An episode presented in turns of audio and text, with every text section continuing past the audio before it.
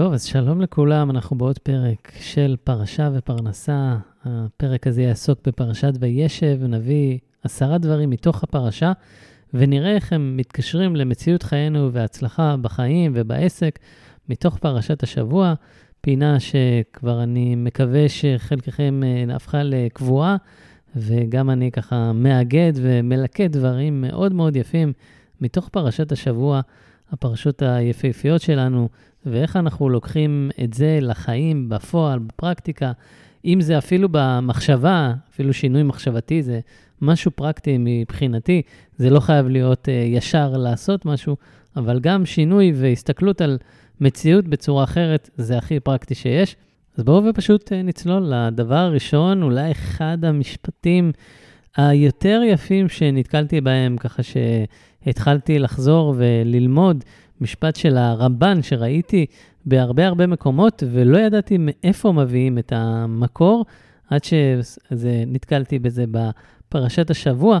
אז הרמב"ן אומר בפרשת השבוע על הפסוק, וימצאהו איש טועה בשדה, למי שיש את החומש עם פירוש הרמב"ן, הוא אומר ככה, ולהודיענו עוד כי הגזרה אמת והחריצות שקר. אז אני אחזור על זה, כי זה משפט שפשוט אפשר ללכת איתו ולהגיד, אוקיי, אם זה ככה, אז, אז זהו, אז, אז הכל זה באמת לפי המשפט הזה, וזה נכון, אבל צריך להבין אותו. אז הוא אומר, הגזרה האמת, כלומר, מה שגזר וקצב הקדוש ברוך הוא על האדם, זה הגזרה וככה זה יהיה. החריצות היא שקר, כלומר, כל ריבוי השתדלות זה שקר. בואו נקרא דברים מתוך באר הפרשה, על פרשת וישב, דברים יפהפיים.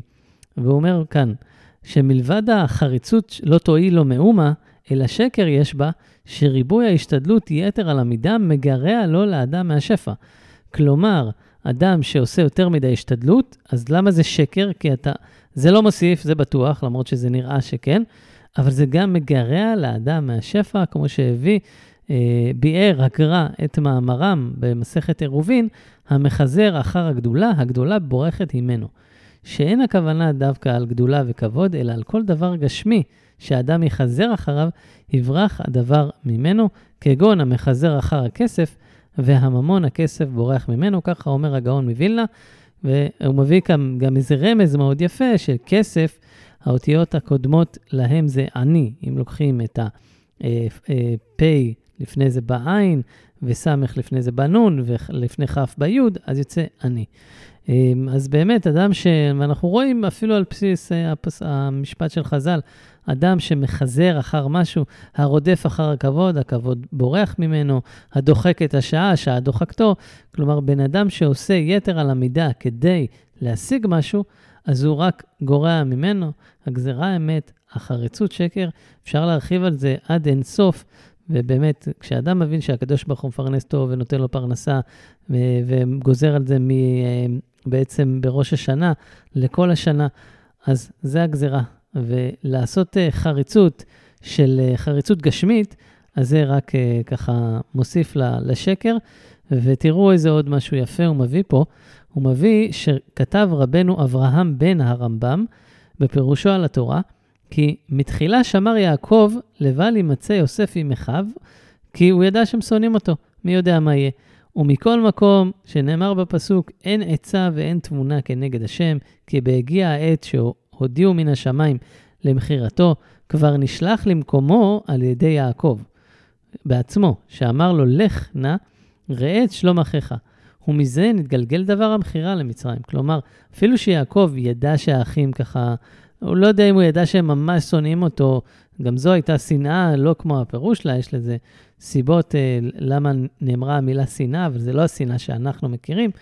ובאמת יעקב ניסה ככה להרחיק את יוסף מהם, עדיין בסוף הוא זה שהיה אחראי על שליחתו ועל אה, הבאתו אה, אל אחיו שמכרו אותו בסוף, כי זו הייתה הגזרה, ואי אפשר למנוע את הגזרה. אז הגזרה אמת, החריצות שקר, וכמו שאמרתי, אפשר להרחיב בכך אה, מאוד מאוד הרבה. אתם יודעים, אני אביא אולי עוד משהו מאוד יפה, כי אנחנו עוד מעט נכנסים לחנוכה. אז רשום שבנר חנוכה, מצוותה משתשכח חמה עד שתכלה רגל מן השוק. ושואלים באמת, למה אומרים עד שתכלה רגל מן השוק? כי אתה יכול להגיד, אה, אה, המצווה זה משקיעת החמה עד חצי שעה. כאילו, למה להגיד רגל מן השוק? שבאמת רוצים להראות לאדם שזה לא ההשתדלות. נכון, בן אדם יצטווה על השתדלות, אבל אל תקטט את הרגליים כל היום בשוק. ירדה, שקעה חמה, זהו, זה הזמן לסגור את הבסטה, ללכת הביתה, ל... אם זה בחנוכה אז להדליק נרות, אבל אם זה בכל יום, אז לשבת בבית, להיות עם הילדים, לנוח, לאכול טוב. עוד שעות עבודה ולעבוד עד חצות הלילה, זה לא מה שיוסיף. אז אפילו פה חז"ל באו ואמרו, בואו תזכרו, יצאת אה, משקיעת החמה עד שתכלה רגל מן השוק, זה גם מה שצריכים להשתדל כל הזמן ובחיים. ובדרך כלל אני צריך להביא, זה הקשר אה, עסקי, אבל אה, אני חושב שההקשר העסקי הוא, הוא די ברור. כאילו, כמה אנחנו משקיעים וחושבים שזה החריצות שלנו, וזה אם נעשה יותר, ויש כבר גזירה. אנחנו צריכים לעשות השתדלות, אבל פה הרמב"ן אומר שהחריצות היא ריבוי ההשתדלות. יש חריצות טובה. יש חריצות, כמו ששלמה אומר, ויד חרוצים תעשיר. כלומר, אדם שעושה דברים מהר וטוב, אז זה גורם לו להצלחה. אבל פה הרמב"ן לא דיבר על החריצות הזו, הוא דיבר על חריצות בריבוי השתדלות.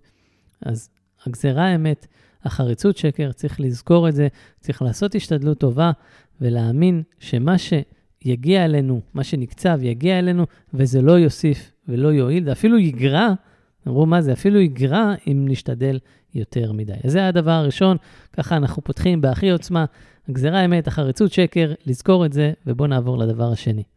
ובהקשר אה, ככה ישיר למה שהתחלנו, אז בואו ונקפוץ לסוף הפרשה, ולא שאפשר אה, לשפוט כמובן את אה, יוסף, אבל חז"ל מדברים על זה, ואנחנו ניקח מזה מסר לחיינו. יוסף הצדיק היה בדרגה כל כך גבוהה של אמונה וביטחון, ועוד מעט גם נביא איזה קטע מתוך המדרש על כך, אבל בסוף הפרשה הוא אומר לשר המשקים, אחרי שהוא uh, בעצם פתר לו את החלום ואמר לו שהוא הולך לחזור לתפקידו, אז הוא אומר לו, כי אם זכרתני איתך כאשר ייטב לך, ועשית נא עמדי חסד, והזכרתני אל בית פרעה והוצאתני מן הבית הזה. כלומר, חז"ל אומרים שכל הבקשה, אז פה חז"ל לומדים כמה להשתדל. הם אומרים שפעם אחת היה מספיק. אם זכרתני ותגיד אה, אותי לפרעה. אבל זכרתני, ועשית נא עמדי, והזכרתני אל פרעה, והוצאתני מן הבית הזה. כלומר, כל המילים האלה, שכאילו יוסף לרגע תולה את היציאה שלו מן הבור בבשר ודם, זה הייתה איזושהי מין דרגת ביטחון חלשה בדרגה של יוסף, כמובן. בדרגה שלנו זה אפילו לא נקרא חוסר. אבל בדרגה של יוסף, ההתאמצות וה... באמת, ה, נקרא לזה הפנייה לבן אדם, לא רוצה אפילו התרפסות, אבל כאילו ה, ה, להגיד לשר המשקים, תשמע, תזכור אותי ותזכור אותי ותוציא אותי ותגיד לפרעה ואל תשכח אותי, אז זה לכאורה איזושהי מין דרגת אמונה פחותה ממה שהיה מצופה מיוסף בדרגה שלו. ומפה באמת, הקדוש ברוך הוא אומר, על זה שאמרת, וזכרתני והזכרתני, אז התווספו לו שנתיים, ובאמת פרשה הבאה, פרשת מקץ, פותחת ויהי מקץ שנתיים ימים, ואז אומרים, למה מקץ שנתיים ימים? כי הוא היה אמור להשתחרר, יוסף, ובגלל הדבר הזה, הוא, הצטרפו לו עוד שנתיים, ואז פרעה חלם את החלום, גם חז"ל אומרים שחלם אותו שנתיים שלמות אותו חלום, וכל פעם הוא לא זוכר אותו, עד שאחרי שנתיים שיוסף היה צריך להשתחרר, אז הוא זכר מה הוא חלם, ובגלל זה הוא כל כך להוט, כי הוא ידע שהוא חלם את זה שנתיים, ורק כרגע זה סוף סוף אה, נזכר, אבל אנחנו קופצים לנושא אחר. בכל מקרה, בנושא באמת של ביטחון והשתדלות, שאלת השאלות, אין עליה באמת תשובה, אבל זו תחושה פנימית. כלומר, כשבן אדם מרגיש שהוא עשה את מה שהוא צריך לאותו יום, לאותו שבוע, לאותו קמפיין, לאותו דבר, אז די, אז אין מה להוסיף יותר. ופה נשאר להכניס ביטחון ולחזק את האמונה, תמיד אני אומר, השיווק הקלאסי לא עובד, לא מסתדר, רוצים יותר, מגבירים מאמץ.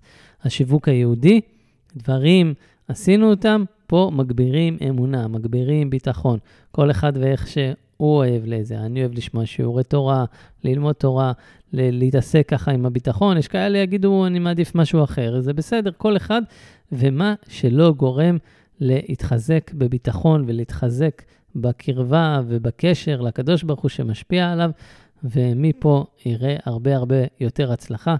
אז לזכור שיש השתדלות שצריך לעשות, אבל לא להפריז בה, כי אפילו יוסף הצדיק, על הפסיק של הפסיק שהפריז, גם הוא בסוף אמרו לו, עשית מעל ומעבר להשתדלות שלך, היית צריך להגיד מילה אחת ולא ארבע מילים, ועל זה דקדקו איתו כחוט השערה. אז גם אנחנו יכולים לזכור, עשינו את הפעולות, אנחנו מרגישים שזה מה שצריך לעשות, אין פה יותר מה להוסיף עוד פעולות, אלא יש מה להוסיף עוד פעולות רוחניות. זה בעצם היה הדבר השני, והדבר השלישי שנביא, שבעצם יוסף אה, נשלח על ידי יעקב אביו, והוא טעה בשדה. נאמר ככה, וימצאהו איש, והנה טועה בשדה, וישאלהו האיש לאמור, מה תבקש? ואז יוסף אומר, את החי אנוכי מבקש. ואני מקריא פה עכשיו מ"ותן חלקנו" של תשפ"ב, ורשום ככה, הנער בן 17 צועד בשדות הזהובים בשליחות אביו, לחפש את אחיו הרועים, את צונו של אביו, בסביבות העיר שכם, רוצה למצוא אותם, לדרוש בשלומם. התורה מספרת שהוא טעה בשדה, וימצאהו איש, והנה טועה בשדה.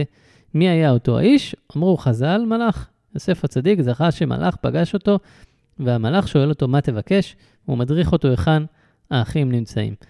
הרב הקדוש רבי בונה מפשיסחה אמר בדרך הדרוש שהמלאך הדריך את יוסף לקראת הימים הארוכים שהוא עומד לצעוד בהם בדד, מנותק מבית אביו, ממשפחתו ומארץ מולדתו, והוא בעצם אומר לו, תזכור תמיד, בכל מקום שאליו תגיע, יהיה קשה, אבל תגיד את המילים, מה תבקש. זכור לבקש ולברר לעצמך ועם עצמך מה אתה מחפש, מה המטרה שאליה אתה חותר, האם היא ראויה, האם מתאימה לך לחתור אליה. ופעמים רבות בחייו, בימי חייו נקלע אדם למקומות שונים ולסיטואציות העלולות לגרום לו לנהוג באופן שאינו ראוי. על האדם להתרגל, לשאול את עצמו בכל מקום, מה תבקש? האם מתקדם אני לעבר מטרת העל שלי? ככה שואל ככה בתוך ה"ותן חלקנו", הוא מסיים את זה כל כך עוצמתי, ובאמת, מה שיוסף אומר, את החי אנוכי מבקש. כלומר, מסר בשבילנו, לדורי דורות, מה אנחנו מבקשים? כאילו, זה גם מה שאנחנו שואלים אותנו בעסק, במילים אחרות, מה המטרה, נכון? מה, מה התוצאה? אז מה אני מבקש זו שאלת מפתח. אבל אם אני מבקש דברים חומריים, שזה בדרך כלל יכול להיות היעדים בעסק, נשים יעדים של יותר לקוחות ויותר מספרים ויותר דברים חומריים. אבל אם קודם כל נשים מטרה ראשונית, מה אני מבקש, מה אני רוצה להעביר פה, מה אני עכשיו יוצא לאיזושהי פעילות חדשה, אני משווק משהו, אני פועל בערוץ שיווקי מסוים, אני עושה דברים, אבל מה אני מבקש? וכשאני חותר לעבר מטרה רוחנית גבוהה, אז לרוב את החי אנוכי מבקש. אני מבקש את ה"ואהבת לרעך כמוך", אני מבקש להשכין שלום בין אחי, שהם שבטי ישראל, שהם כל עם ישראל היום. זה מה שיוסף אומר לנו לדורי דורות, תדרשו את האחים שלכם. וכשאתם דורשים את האחים ואותם אתם מבקשים, ממילא כבר הדברים יסתדרו. כלומר, ממילא אתם תראו איך לפעול בצורה נכונה. יש לפעול לעבר מטרה חומרית, ואז הכל מאוד מסובך וקשה ואין השראה, ויש לפעול למען מטרה רוחנית, ואז הדברים הרבה יותר מתיישבים על הלב. וגם אם לא מצליח, אנחנו נשענים על משהו גבוה, ולא בהכרח רק על תוצאה חומרית, שאם היא לא מצליחה, אנחנו בדאון ומתבאסים ועוזבים את הכל, כשהמטרה היא רוחנית והמטרה היא גבוהה, אנחנו נמשיך ויהיה לנו כוחות להמשיך גם אם דברים לא מסתדרים כפי שאנחנו רוצים, כי זה בעצם מה שנותן לנו כוח. אז זה בעצם איזושהי ככה תזכורת קבועה מאת יוסף שאומר לנו, מה תבקש? אומר לו המלאך, והמלאך קיים תמיד, ושואל אותנו, מה אתה מבקש? מה אתה מבקש? מלאך שליחו של השם. וכשבן אדם זוכר שהוא מבקש, את אחי אנוכי מבקש, הוא מקבל כוח לפעול ולעשות ולהצליח את דרכיו.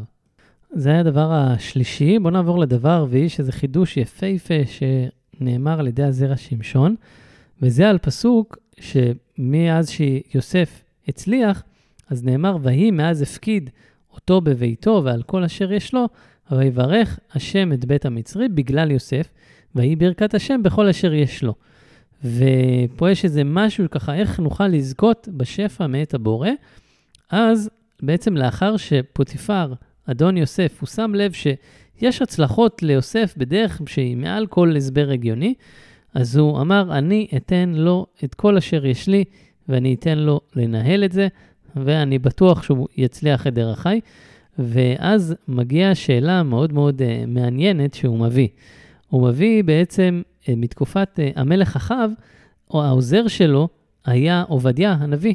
כלומר, עובדיה עבד בבית אחאב, שאחאב היה מלך רשע, מרושע, באמת עשה דברים נוראיים בעם ישראל, הרחיק אותם מהקדוש ברוך הוא, ולעומת זאת עובדיה שעבד בביתו היה נביא. אבל אחאב אומר, איך זה הגיוני? ש... אה, יוסף היה בבית אה, פוטיפר והצליח מאוד, הוא גם מביא את הדוגמה, הוא שואל אותו גם על אה, יעקב, שיעקב עבד אצל לבן, והוא מצליח מאוד, ו, ופה דווקא הוא, הוא לא מצליח את, את אחיו כמו שיוסף ולבן ויעקב הצליחו.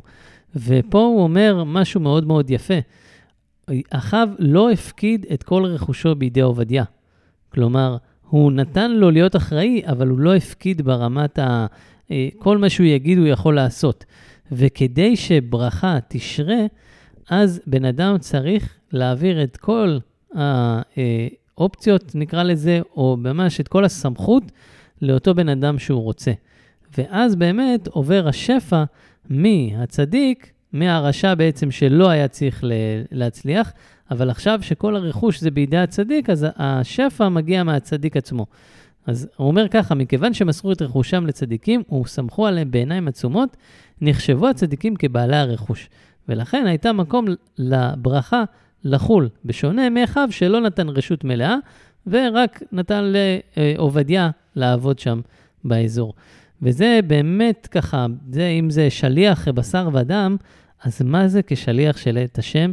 וזה על הפסוק, אשליך על השם יאהבך והוא יקלקלך. אז פה אני ממש אקריא, אצטט מתוך ספר שאני מאוד מאוד ממליץ עליו, שנקרא מעבר לסגולה, שמביא חידושים מתוך הזרע שמשון, והוא אומר ככה, נמצאים אנו למדים יסוד גדול וחשוב.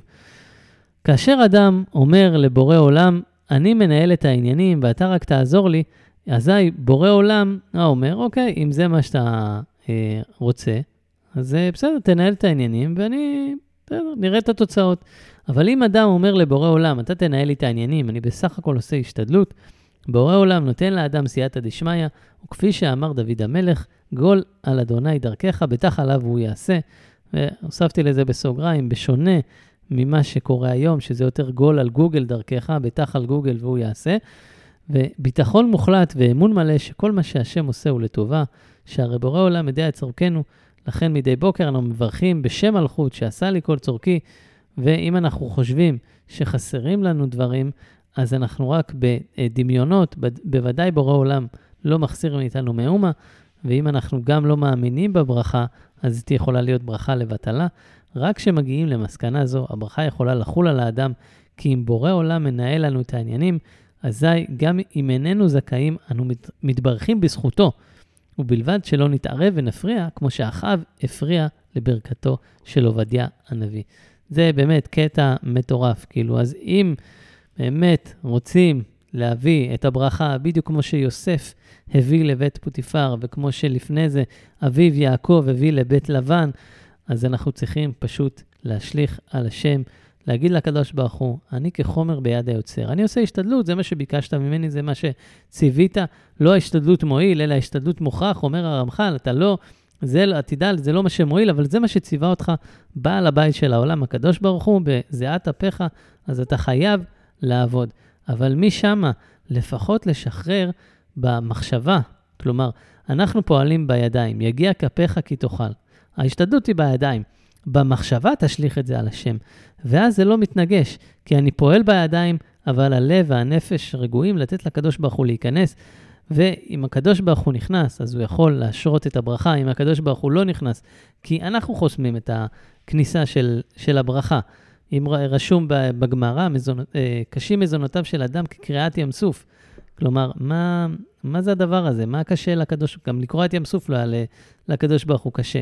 אבל מדמים את זה שבאותה רגע של קריעת ים סוף, היה גזירה על בני ישראל, הם היו צריכים להוכיח את עצמם שהם באמת רואים שיקרה להם ים סוף, יש שם מדרש שמפרט את זה. אבל גם פה בפרנסה, אדם שבמחשבה שלו לא נותן לקדוש ברוך הוא להיכנס, אז אומר הקדוש ברוך הוא, קשה לי, באמת קשה לי, קשים מזונותיו, כי אני לא יכול לאפשר לו.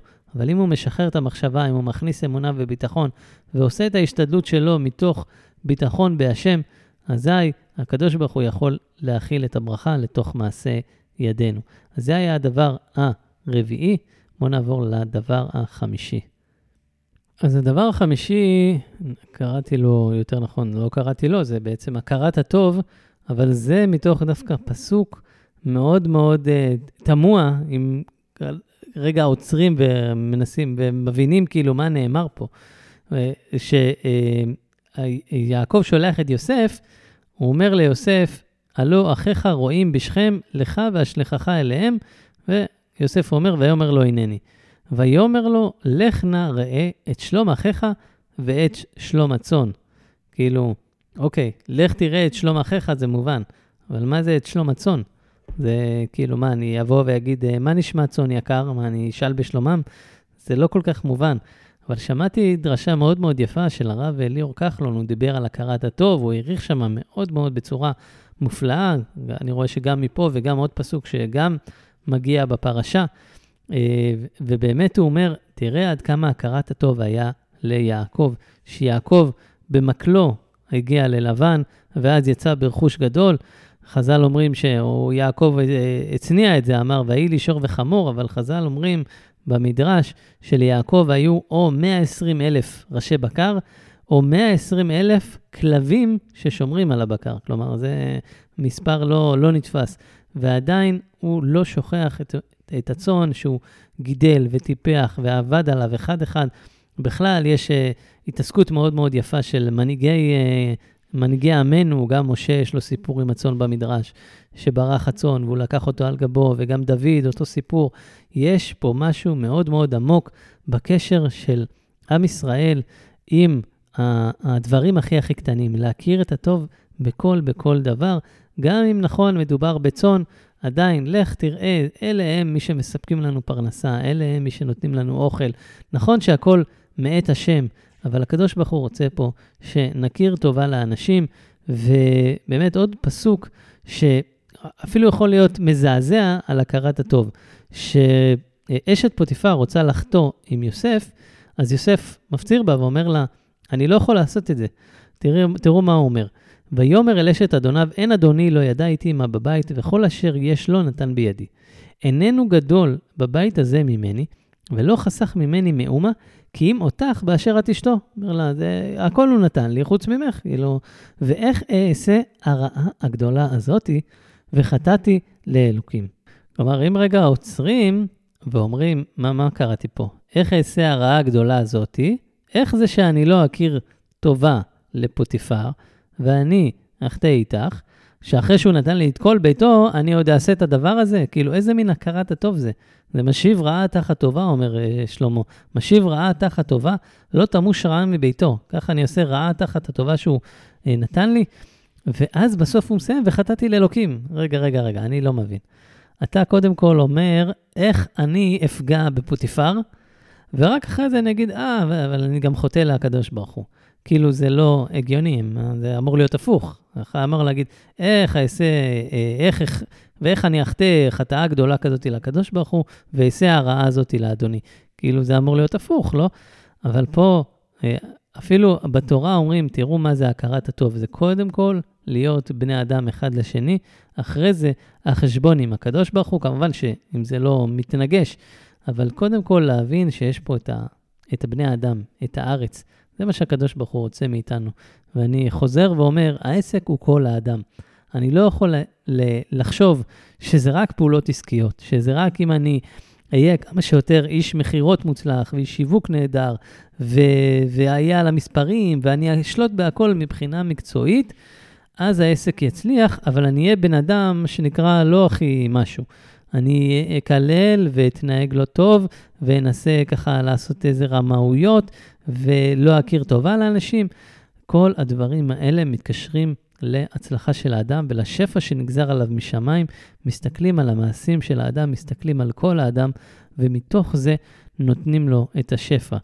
אז יעקב מזכיר לנו פה, לך נא רעך, את שלום אחיך ואת שלום הצאן, עד כמה בן אדם צריך להיות בהכרת הטוב כלפי כל מה שיש לו, וממילא אם בן אדם חי ככה ומרגיש ככה, אז הוא כבר איש מצליח והוא כבר בשפע, ומתוך זה גם יגזרו עליו עוד. זה היה הדבר החמישי. בואו נעבור לדבר השישי מתוך הפרשה.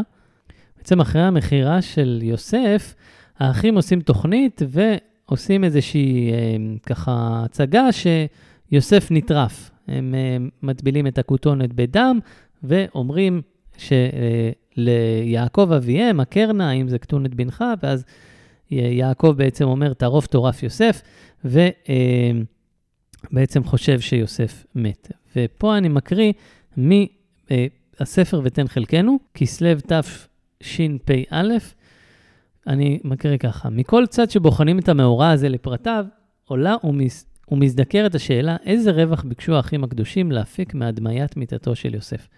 הרי אם יעלה בידו להשתחרר מהשבי בדרך פלילית, הוא ישוב לביתו גם אם אביו חושב שהוא מת. התחבולה שרקחו כדי להטעות את יעקב שבנו יוסף מת, אין בה כדי להרחיק את יוסף מכפי שכבר הורחק. אם כן, איפה, מה הייתה מטרתה?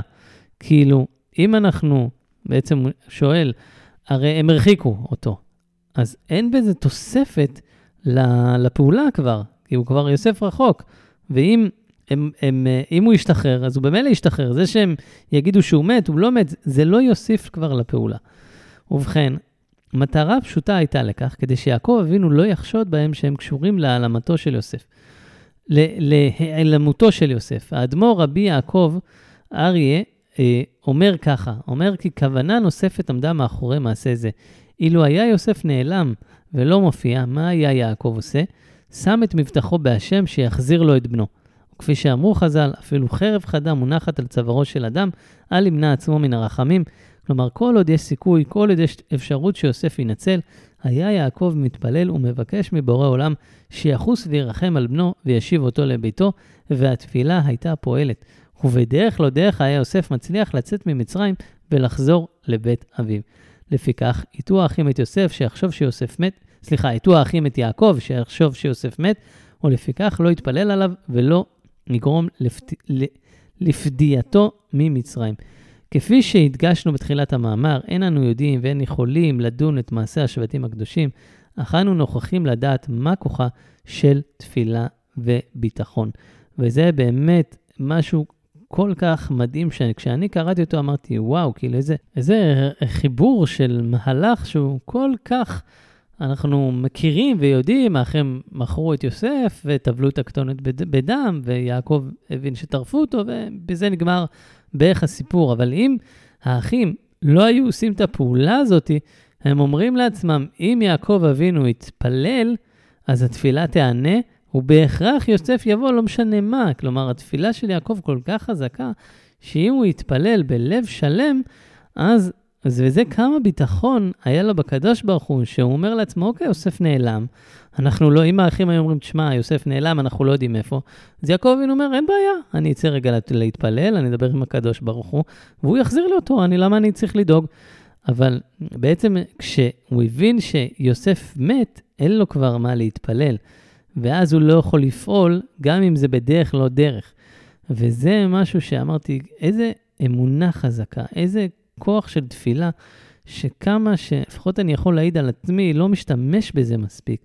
כלומר, אני ישר הולך לדרכים הקלאסיות, הגשמיות, הטכניות, במקום לעצור רגע ולהגיד, עשיתי את הטכני, עכשיו אני אפנה יותר זמן לתפילה ולהשליך את יהבי על הקדוש ברוך הוא, ובעצם גם כל מה שהבאנו עד עכשיו, שכפי ש...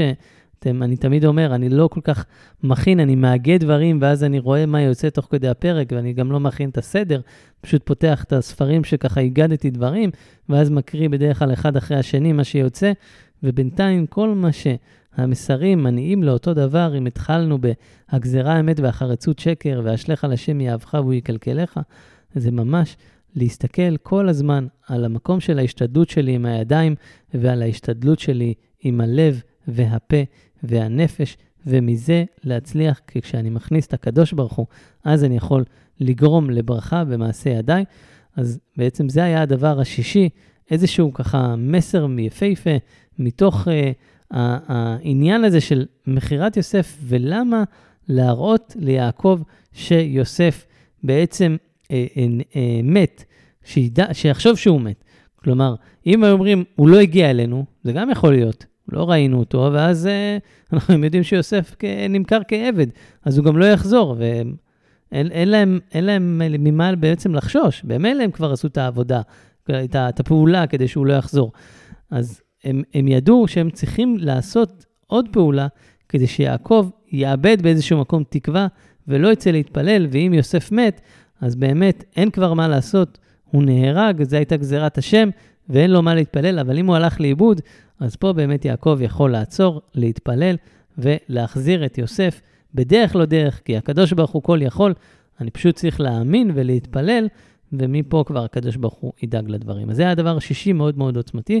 בואו נעבור לדבר השביעי מתוך הפרשה, ואנחנו ככה, כמו שאני תמיד אומר, אין ממש סדר אה, כרונולוגי של הפרשה, אנחנו קופצים יחסית להתחלה, שנאמר, ויראו אחיו כי אותו אהב אביהם מכל אחיו, וישנאו אותו, ולא יכלו דברו לשלום. אז ככה זה גם אה, ספר ותן חלקנו, שמביא ככה את הנושא של איך מונעים מחלוקת. הוא אומר, מה פשר הביטוי ולא יכלו דברו לשלום? ובאמת, מדוע לא יכלו לדבר שלום ביניהם? הרי הם אחים. רבי יהונתן אייבשיץ הסביר כי היעדר השלום נבע מהיעדר הידברות. עיקר הצרה בכל המחלוקות היא שאין מגיעים לכלל הידברות שאין אחד רוצה להאזין לזולתו ולהבינו. אילו יד, ידעו הבריות להידבר ביניהם, על פי רוב היו נוכחים לדעת שאין להם כלל על מה לריב. ומהי הדרך המעשית לפתור סכסוך העומד להתפרץ? רבי יונתן אייבישיץ מייעץ להיצמד להוראות התורה. לא תשנא את אחיך בלבביך, הוכח תוכיח את עמיתך. כאשר אדם שומר בליבו תלונה ותרעומת על חברו, השנאה מתרבית מיום ליום. אבל אם הוא ניגש לחברו ושוטח בפניו בפשטות את אשר על ליבו, אפשר שחברו יתנצל או יסביר לו שמעולם לא התכוון לפגוע בו, וכך תסור השנאה. לפיכך, אילו, יכ... אילו יכלו השבטים לדבר עם יוסף, היה נעשה שלום ביניהם, אך הם לא יכלו דברו לשלום, הם לא יכלו להוכיח את יוסף ולומר לו את אשר על ליבם, מפני שיוסף היה אהוב מאוד אל יעקב, והיה ברור להם שדברי תוכחתם יגיעו ליעקב והוא יצטער. וכך התגלגלו הסיבות שהם נטרו את הדברים בליבם, והם התפתחו לשנאה גדולה. אז הפירוש הזה הוא, הוא כל כך מתוק, כי הוא לוקח את, ה, את הסיבה למה הגיעו לשנאה, וזה, כמו שרבי יונתן אייבישיס אומר, הם לא יכלו לדבר איתו. הם קודם כל לא יכלו דברו כדי לגרום שלום, ואם אדם לא מדבר עם מישהו, אז מתבצרת השנאה בתוך הלב, וכל הככה, הכעסים, הכל מתחיל מהידברות. והידברות זה כלל מפתח, תקשורת בכלל זה כלל מפתח בחיים, בהצלחה בחיים, בכל התחומים. בטח ובטח עם אה, עסקים, אם זה עם לקוחות, לדבר איתם, לשאול, לא להניח אה, הנחות ולא לחשוב. אפשר תמיד להרים טלפון, אפשר לשלוח הודעה, אפשר לשלוח סקר. זה לא חייב להיות לקוחות, זה יכול להיות גם אה, רשימת התפוצה והקהילה. לשאול מה רוצים, לדבר, כל מה שאנחנו רוצים זה להיות מעורבים, זה להיות ביחס. עולם הדיגיטל הזה יצר כל כך הרבה ריחוק לפעמים, זה נראה כאילו זה, זה מספרים ונתונים. בסוף אנחנו יכולים לדבר ולשלוח ולהעלות דברים. ובאמת השיווק בשנים האחרונות מאוד מאוד אוהב אה, שיח. יש משהו באינסטגרם, אני לא זוכר את השם המקצועי, אבל שככה שמים שאלה ואנשים אה, עונים, וזה מאוד מאוד, קווסט אה, נראה לי קוראים לזה, זה מאוד מאוד אה, נהיה נפוץ, כי אנשים רוצים ש, שיתייחסו, ש, ש, שיביאו מעורבות. אני גם אה, אה, גיליתי שאני צריך להוסיף את זה, אז זה עוד משהו שאני אמרתי שאני אקח על עצמי, מקווה שאתחיל עם זה בעזרת השם בקרוב. אבל באמת ההידברות, לשאול, להתעניין, להתייעץ, לא להניח מסקנות, כל דבר לברר, ובאמת מתוך השיח הזה שנוצר, אז נעשים ונוצרים דברים מאוד מאוד יפים, ומתוך זה אדם יכול להצליח הרבה הרבה יותר בקלות, במקום שיתבשר עוד ועוד לחץ ואומץ וכעסים, פשוט לדבר ולפנות ולשאול ולהתעניין ולהוריד קצת את אה, מידת הגאווה שאנחנו יודעים הכל.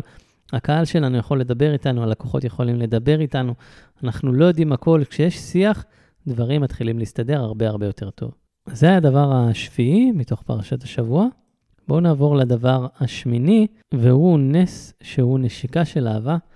נאמר בפסוק, והנה אורחת ישמעאלים באה מגלעד, וגמליהם נוסעים, נוחות וצרי ועלות הולכים להוריד מצרימה. רש"י שואל ומתרץ את הקושייה, למה פרסם הכתוב את מסעם? הוא אומר להודיע מתן שכרם של צדיקים, שאין דרכן של ערביים לשאת אל הנפט ועטרן שריחן רע. ולזה נזדמנו בשמיים שלא יוזק מריח רע. כלומר, הערבים נושאים עמם תמיד נפט, ודווקא הפעם הגיעו הערבים שנשאו עמם בסמים, שזה חריג מוזר. אז שני תירוצים יפים ששמעתי על כך, מדוע שינה הקדוש ברוך הוא ממנהג מסעם של הערבים. אז אחד, להראות ליוסף שהקדוש ברוך הוא איתו, ושתיים, להודיע שאין מביא הקדוש ברוך הוא צער נוסף ממה שנגזר על האדם. אז על יוסף נגזר לרדת למצרים, לכן לא שייך להציל אותו ולהשיבו לאביו. אבל בתוך הגזרה, אותת הקדוש ברוך הוא ליוסף שהוא איתו, ואין לו מה לדאוג. וזה מביא אותי למשהו כל כך יפה שקראתי, אני קורא לה חברה, אני קורא לה מורה שלי, בת שבע דרגן, באמת משהו יפהפה, ואני אקריא מלשונה. הנס הוא נשיקה של אהבה. ירדנו לעולם כדי לתקן, וכדי לתקן ולהפוך לטובים וראויים יותר, אנחנו צריכים לעבור תהליכים. הילד יוסף היה צריך להימכר כדי להגיע למצרים, להפוך שם למלך גדול ולהיות שם עבור העם כולו כשירדו גם הם למצרים. כדי להפוך מילד צעיר למלך ששולט על כל מצרים, הוא היה צריך לעבור תהליך. אי אפשר בלי. תהליכי גדילה הם כואבים, לא קלים, לפעמים אנחנו צריכים לעבור אובדן, כאב, עלבונות, חוסר, אבל זו הדרך היחידה לצמוח ולגדול. כשאדם נמצא בתוך התהליך, התחושות העיקריות שלו הן קושי, הן כאב וקושי. אין לנו את הפרספקטיבה הרחבה ואת היכולת להבין לאן כל זה מוביל. הכאב והקושי מביאים איתם לעיתים קרובות תחושות איומות של פחד ורגשות קשים של לבד וחוסר אונים. וברגעים האלה, אבא שלנו, אבא שכולו טוב, חסד ורחמים, שולח לנו נשיקות קטנות של אבא. חסדים קטנים, לפעמים ממש קטנטנים, אבל כאלה שהמטרה שלהם היא להזכיר לנו שאנחנו לא לבד, שיש מי שמנהל את ההצגה הזאת, ושההצגה הזאת היא לטובתנו, תמיד לטובתנו. כדי לקבל את הנשיקות האלה, אנחנו צריכים להסכים לפתוח את העיניים. לזוז קצת הצידה מהעולם הפנימי שלנו, מהרצון שלנו שדברים ילכו בקלות, וכמו שאנחנו רוצים, להתגבר, להפסיק, לפחות קצת לרחם על עצמנו ולהתבונן. כשנעשה את זה, נגלה את דרישות השלום שהקדוש ברוך הוא שולח לנו בדרך. מילה טובה, מתנה מפתיע, פרח שצמח במפתיע בגינה, הזמנה לשבת, או חיוך שקיבלנו במקום שכל כך לא ציפינו. נכון, זה לא פותר לנו את הקושי, זה כמעט כלום לעומת התמונה הגדולה, אבל זו נשיקה של אהבה. כשהקדוש ברוך הוא בכבודו ובעצמו שולח לנו כדי להזכיר לנו שהוא פה, שהוא בשליטה מלאה על החיים שלנו ורוצה את הטוב ביותר עברנו. אז באמת, עד כאן לשונה, זה טקסט כל כך יפהפה. כדי לקבל את הנשיקות האלה, אנחנו צריכים להסכים לפתוח את העיניים. בעצם יוסף, מה, הוא ירד למצרים, נער בן 17, הולך להימכר כעבד במצרים, ומה זה מעניין אותנו שהם נוסעים נוחות ולהט, יהיה לו ריח טוב בדרך, וואו, איזה יופי. אבל לא, הגזרה היא גזרה, אין מה לעשות. אבל בדרך לא צריך ל, ל, ככה שיהיה רע, והקדוש ברוך הוא רצה להראות ליוסף, זה נשיקה של אהבה, אל תדאג, אני איתך, אתה מוגן, גם אם אתה הולך למצרים, ובאמת הרחיקו אותך מאבא שלך ואתה נער צעיר, אני איתך, כשאני איתך, אתה לא צריך לדאוג, וזה היה הסמל, הנשיקה הקטנה הזאת, הריח הטוב הזה, בדרך להיות עבד, ובמסע חיינו אנחנו מוצאים את עצמנו עם המון שאלות, במיוחד מדוע דברים קורים בצורה מסוימת. למה הקדוש ברוך הוא גזר עלינו אירועים מסוימים, או למה אני לא מצליח בפעולות מסוימות? לפעמים זה מרגיש כאילו אנחנו במצרים ואנחנו נמכרנו להיות עבדים, אנחנו עבדים בעסק, אנחנו עבדים בזוגיות, או במציאת זוגיות, או עבדים במשפחה, או כל אחד המקומות שהוא מרגיש עבדות. כל מה שאנחנו מבקשים מהקדוש ברוך הוא, שיציל אותנו מהעבדות הזאתי. אך המציאות הנוכחית היא לטובתנו, ולכן נותר לנו להתבונן מעבר לקושי שלנו ולראות את השינויים הקטנים, את הריחות הטובים שמקיפים אותנו, שהן ההצלחות שכן קיימות. ובעזרת השם, יום אחד הדברים יתחברו, אנחנו נביד ונהפוך לעבד כי ימלוך. הקדוש ברוך הוא, כפי שאמר עליהם יוסף לבני, לאחיו, אתם חשבתם עליי רעה, אלוקים חשבה לטובה. הקדוש ברוך הוא מסובב את הדברים, גם אם עכשיו יש קושי ודברים שלא הולכים, צריך לראות את הנשיקות הקטנות האלה של אהבה, להתעלות בהם, לראות את יד השם, להמשיך ולהגיד, קדוש ברוך הוא, אני עושה השתדלות, ואתה תדאג לי שהדברים יצליחו בדרך הנכונה לי, בזמן הנכון לי, כשמצליחים לחיות ככה, אני לא רוצה להגיד שחיים ככה, כשקצת מצליחים, כי זה מאוד קשה לחיות ככה כל הזמן, אבל לרגע שמצליחים, רואים איזה רוגע פנימי, איזה שקט שלרגע מסיר מאיתנו הרבה הרבה דאגות שיש לנו על הלב, ומתוך ככה גם מצליחים לנשום יותר טוב, ולאט לאט עושים את זה יותר, ומצליחים עוד קצת יותר, ומשתחררים ככה מהעול, בעיקר הנפשי שיש עלינו. אז זה באמת היה הדבר השמיני. הגמלים שנוסעים בסמים, שכאילו זה לא מעניין, אבל זה סמל לנו לחיים. יש נשיקות קטנות של אהבה של הקדוש ברוך הוא, רק לפתוח את העיניים, לראות אותם, להתמלא מזה אור ולהמשיך, למרות הבעיות, אני אקרא לזה, למרות הדברים הקשים שאנחנו רואים אותם בחיים כבעיות, אבל מתוך זה אנחנו נראה שהדברים הם באמת לטובתנו ואנחנו נצליח ונתגבר ונגיע לשלב הבא. זה הדבר השמיני. בואו נעבור לדבר התשיעי, שבעצם ראובן, אולי נקריא ככה את הפסוקים לפני. האחים אומרים, עתה לכו ונהרגהו, נשליכו באחת הבורות, ונאמר חיה רעה חלטו, ונראה מה היו חלומותיו. וישמע ראובן ויצילהו מידם, ויאמר לא נקנו נפש. באמת ראובן אומר להם, הוא האח הבכור, הוא זה שהם מקשיבים לו, לפחות לאותו רגע הזה, ואומר להם, אנחנו לא נוגעים באחינו, וראובן משליך על הבור, ואומר, אני אשליך אותו רגע לבור, ואחרי זה אני אציל אותו. קרה מה שקרה, אה, ראובן היה צריך ללכת לאיזה עניין. יש על זה שיעור יפהפה של הרב שניאור אשכנזי, רק נוגע בנקודה הזאת ומדבר על השליחות, עוד רגע נרחיב על זה יותר, אבל רק לסיים את הסיפור, שראובן היה צריך ללכת, ואז כשהוא הלך, אז יהודה אמר לאחים שלו, יהודה בעצם הפך להיות האחראי, ואמר, תשמעו, עוברים פה אה, אורחות ישמעאלים, בואו ונמכור אותו, ואנחנו ככה לא נהרוג אותו ונמכור אותו. ובעצם אחרי זה ראובן שב אל הבור, רואה שיוסף לא בבור, קורע את בגדיו, צועק, איך אני, אה, ככה, מה, מה קרה פה? איך אני אבוא אל, אל, אל אבי, ויאמר, הילד איננו ואני אנה אני בא. כלומר, אני הבכור, אני צריך לתת דין וחשבון לאבא. זה, זה התפקיד שלי כ, כבכור, כמנהיג כרגע. ובעצם פה נגמר הסיפור, וככה הרב, בשיעורו, הרב שניאור אשכנזי, אמר נקודה מאוד מאוד יפה. הוא אומר, איך זה שראובן הלך? איך הוא הלך והשאיר את יוסף, אח שלו הקטן, בבור? הוא היה אחראי. ואם ראובן היה יודע שהוא לא יכול, נכון, היה לו איזה משהו שהוא היה צריך ללכת, אבל זה משהו שאתה לא יכול לוותר עליו, כלומר, על השליחות הזאת להציל את האח, אתה חייב לסיים את השליחות. אם הוא היה יודע, הוא מביא מדרש, אני שכחתי את המקור המדויק, אם לא טועה, מדרש ויקרא רבה, אני לא זוכר בדיוק איפה, אבל הוא אומר שככה אמרו בתורה, הזכירו את ראובן, אם ראובן היה יודע שככה ידברו עליו, הוא בחיים לא היה עוזב. והוא חיבר את זה לזה שלכל אחד יש את השליחות שלו פה בעולם, וכל בן אדם, אם הוא יבין שזה השליחות שלו והוא ידבוק בה, לא משנה מה, אז, אז איזה דברים מדהימים יקרו, ובאמת אחרי הסיפור הזה, ראובן כבר לא מוזכר כמנהיג, יהודה מוזכר כמנהיג, נכון שהאחים מורידים אותו מגדולתו, אבל לאט לאט הוא חוזר, כי יהודה מגלה את המנהיגות. גם אחרי זה נאמר, משיח בן דוד, שזה משבט יהודה, משיח בן יוסף, שגם יוסף היה מנהיג בפני עצמו, כי גם הוא הלך ועשה את הדרך שלו כמנהיג. לא סתם יש לנו שני משיחים כשני מנהיגים שמסמלים את זה שאנחנו, בשליחות שלנו, לא מוותרים עליה ולא אה, יורדים ממנה.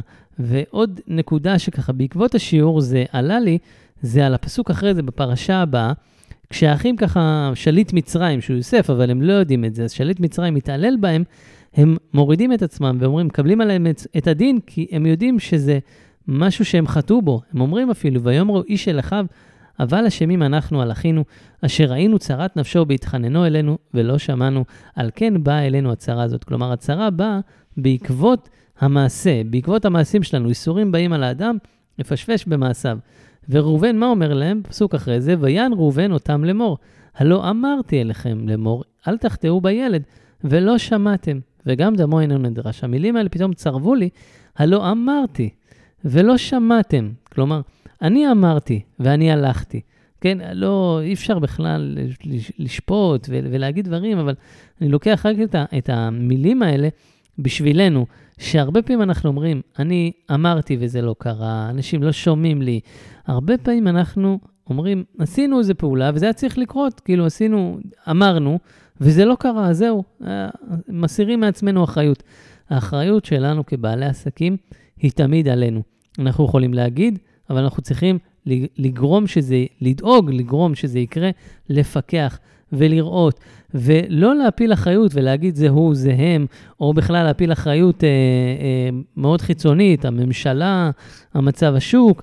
יש את הדברים האלה. נכון, הממשלה לא עוזרת, או בכלל לא עוזרת, או כל אחד והדעה שלו, והמצב השוק לא טוב, יש המון המון סיבות. אבל אנחנו כבעלי עסקים צריכים לקחת אחריות ולא להגיד אמרתי ולא אכלו לי ולא שמעו לי ולא שתו לי. כל הדברים האלה לא שייכים. נכון שהם קיימים וזה המציאות, אבל זה לא שייך להתעסק עם זה. אז לקיחת אחריות כבעל עסק זה דבר שהוא חייב לעשות. והדבר השני, בתוך הלקיחת אחריות, זה בעצם להעביר סמכות מתוך חוזקה. מה זה אומר? הרבה פעמים אנשים אומרים, תשמע, אני לא אמור להיות קופירייטר, אני לא אמור להיות קמפיינר, אני לא אמור להיות גרפיקאי, אני לא אמור להיות הרבה הרבה דברים, וזה נכון, צריך לאט לאט להאציל סמכויות כדי לגדול. אבל יש כאלה שמאצילים כי אני חלש ומסכן ולא יודע, ושמישהו יעזור לי ויקח את זה ממני ויושיע אותי. ויש את אלה שאומרים, תשמע, אני מבין את העיקרון, אני יודע קצת, אבל אני צריך שמישהו יעזור לי. ופה זה להעביר מחוזקה. אז גם אם אנחנו, למשל, אם ניקח את התחום שאני הכי אה, מכיר, קמפיינים. אנשים באים לקמפיינר ולסוכנות פרסום ומפילים את העסק שלהם, העסק ה baby שלהם, מה שמביא להם פרנסה, מפילים על אותו בן אדם. אתם לא מכירים אותו מספיק, אתם לא יודעים. אז גם אם אתם סומכים עליו וגם אם יש היכרות, זה לא הגיוני לעשות את זה. אז כן, להציל סמכויות, אבל מחוזקה. אולי תעשו איזה קורס, אפילו בסיסי, ותדעו מה קורה. לעשות איזה פגישה שתיים של ייעוץ. אנשים חוסכים אלף שקל, אבל יפסידו עשרות אלפים. למה? כי לא מוכנים להשקיע, כי זה לא המקצוע שלהם. זה שטות גמורה בעיניי. להעביר מחולשה זה אחד הדברים הגרועים שבעל עסק יכול לעשות. ולהעביר מחוזקה לא אומר להתמקצע. אבל לדעת, להגיד, שמע, כשבעל עסק בא ואומר לי, אני יודע שיש פיקסל, אני מבין בזה, בוא ותטרגט את הקהל הפיקסל שלי, אני אומר, וואו, כאילו, הוא יודע על מה הוא מדבר, הוא לא סתם כצאן לטבח. אה, ממש קיצוני הבאתי דוגמה, אבל כאילו זה לפעמים ככה. וכשבן אדם אומר לי, אה, שמעתי על הפיקסל, אין לי כוח להבין מה זה. אז זה שטות גמורה בעיניי, שטות גמורה, כי בעל עסק אתה אמור להבין בדברים האלה, לא ברמת הלדעת איך עכשיו אה, לתכנת פיקסל, אלא ברמת ההבנה. תשקיע חמש דקות, תראה סרטון ביוטיוב, כאילו רבאק, אני קצת אה, אולי העליתי את הטונים, כי זה כל כך... קרוב לליבי, לאו דווקא נתתי דוגמה על הקמפיינים, אבל זה בכל דבר בעסק, אנשים פשוט זורקים את האחריות על מישהו אחר, וזה נראה לי אבסורד ומשוגע. אז אני שוב אגיד, לא צריך להתמקצע, אבל כן להעביר מחוזקה, וזה מה שאנחנו ממש לומדים מהפרשה. מנהיג אמיתי לא עוזב פצועים בשטח, לא עוזב את המשימה שלו בשטח, הוא מסיים אותה, ואז הולך לדבר אחר, וכשהוא מסיים את השליחות, והשליחות שלנו היא כל יום ויום בעסק, אז כשאנחנו עושים את זה, הדברים ממילא מקבלים אור חדש יותר וברכה יותר יותר טובה, וגם אנחנו מרגישים טוב כי אנחנו יודעים מה קורה מאחורי הקלעים של העסק שלנו, וזה לא, אם עכשיו נוטשים אותנו, אנחנו אבודים ונשמטו לנו, נשמט הקרקע מהרגליים. אז זה היה הדבר התשיעי. בואו נעבור לדבר העשירי מתוך פרשת השבוע, וזה סוף הפרשה. אנחנו עוד פעם חוזרים לסוג של הכרת הטוב, אבל יותר גמילות חסדים, כשיוסף בא ובעצם היה בבור ובתוך הכלא, וגם שמה הוא לקח מנהיגות. יוסף לא סתם היה אה, בתוך הכלא, הוא מצא חסד בעיני שר הכלא, כמו שנאמר, ויהי אדוני את יוסף, ויית אליו חסד, ויתן חינו בעיני שר בית הסוהר. כלומר, גם בבית הסוהר הוא ככה מצא לו איזה תפקיד, ולא סתם היה איזה, נקרא לזה למלם שם. ואחרי איזו תקופה, הוא, הוא רואה ששני הסריסים של המלך, הם uh, עצובים, הם גם הגיעו לכלא איתו, והם ככה פנים זועפות. והוא שאל אותם למה, הוא לא יקרא את כל הפסוקים, אפשר לקרוא את זה בסוף פרשת השבוע, והם מספרים לו שהם חלמו חלום, ויוסף מתעניין, ופותר את החלומות, ועוזר לכל אחד מהם, וממשיך מה שממשיך. אבל זו נקודה מאוד מאוד אה, יפהפייה, ובזה גם נסגור את כל השיעור של היום, שיוסף כל הזמן מראה התעניינות, הוא מתעניין בשלום האנשים. זה לא אנשים זרים, זה לא אנשים שלא אכפת, זה אנשים שהוא רואה פנים זועפות, והוא שואל לשלומם, ופותר, ומקשיב. וכמה אנחנו צריכים להיות ככה כל הזמן, אנחנו כל הזמן שקועים בלוז שלנו, בדברים שלנו, בזה שלנו. במקום רגע לעצור ולהקשיב, זה יכול להיות לסביבה הקרובה וזה יכול להיות גם לסביבה הרחוקה. כל הזמן להיות באווירה של מה השם דורש מעמך, כי אם אהבת חסד. זה מה שהקדוש ברוך הוא אומר, זה נאמר בנביא, מה השם דורש מעמך? אהבת חסד. תאהב ותסתכל ותחפש את החסד. שתחיה ככה, אתה תחיה בצורה הרבה הרבה יותר טובה נפשית, וגם בעזרת השם, גם הקדוש ברוך הוא יפרגן מה שנקרא וייתן את הברכה שלו. כי הוא אומר, אם בן אדם פה מתנהג בעולם מתוך המקום הזה, אז גם אני ארצה שהוא ימשיך ויעשה את הדברים האלה, וזה מה שיוסף, המנהיג השני של עם ישראל, מה שנקרא מהשבטים, משיח בן יוסף, משיח בן דוד, כמו שדיברנו בקטע הקודם, בתשיעי, אז יוסף מראה לנו, אני כל הזמן מתעניין, ובזכות ההתעניינות הזאת, כן, יוסף היה צריך לצאת מהבור, אבל זה יתגלגל על ידי חסד, ובדרך כלל הקדוש ברוך הוא מראה לנו, אני מגלגל את הגזרה שלי על ידי חסד, להראות לך את ההקשר של בין חסד לבין ברכה בחיים. אז בזה אנחנו ככה נסיים, ואני מקווה שנהנתם ואהבתם את הדברים, וקיבלתם איזה חידוש אפילו או שניים, וקיבלתם איזה משהו קטן לקחת ליום-יום, לעשות uh, עסקים יותר טוב. ולחיות בצורה יותר נכונה. וזה לא חייב להיות כמובן רק בעסק, זה יכול להיות בזוגיות ובבית ובבריאות ובכל דבר. ואם אנחנו ככה, אולי איזה קוריוז קטן לפני חנוכה, אנחנו נציין את חנוכה עוד כמה ימים. אז שאלה, למה משחקים בסביבון בחנוכה? מעבר לזה שזה משחק נחמד וכולנו מכירים אותו מאז שאנחנו זוכרים את עצמנו, אז הסיבה היא להשריש בנו את עניין הביטחון בפרנסה.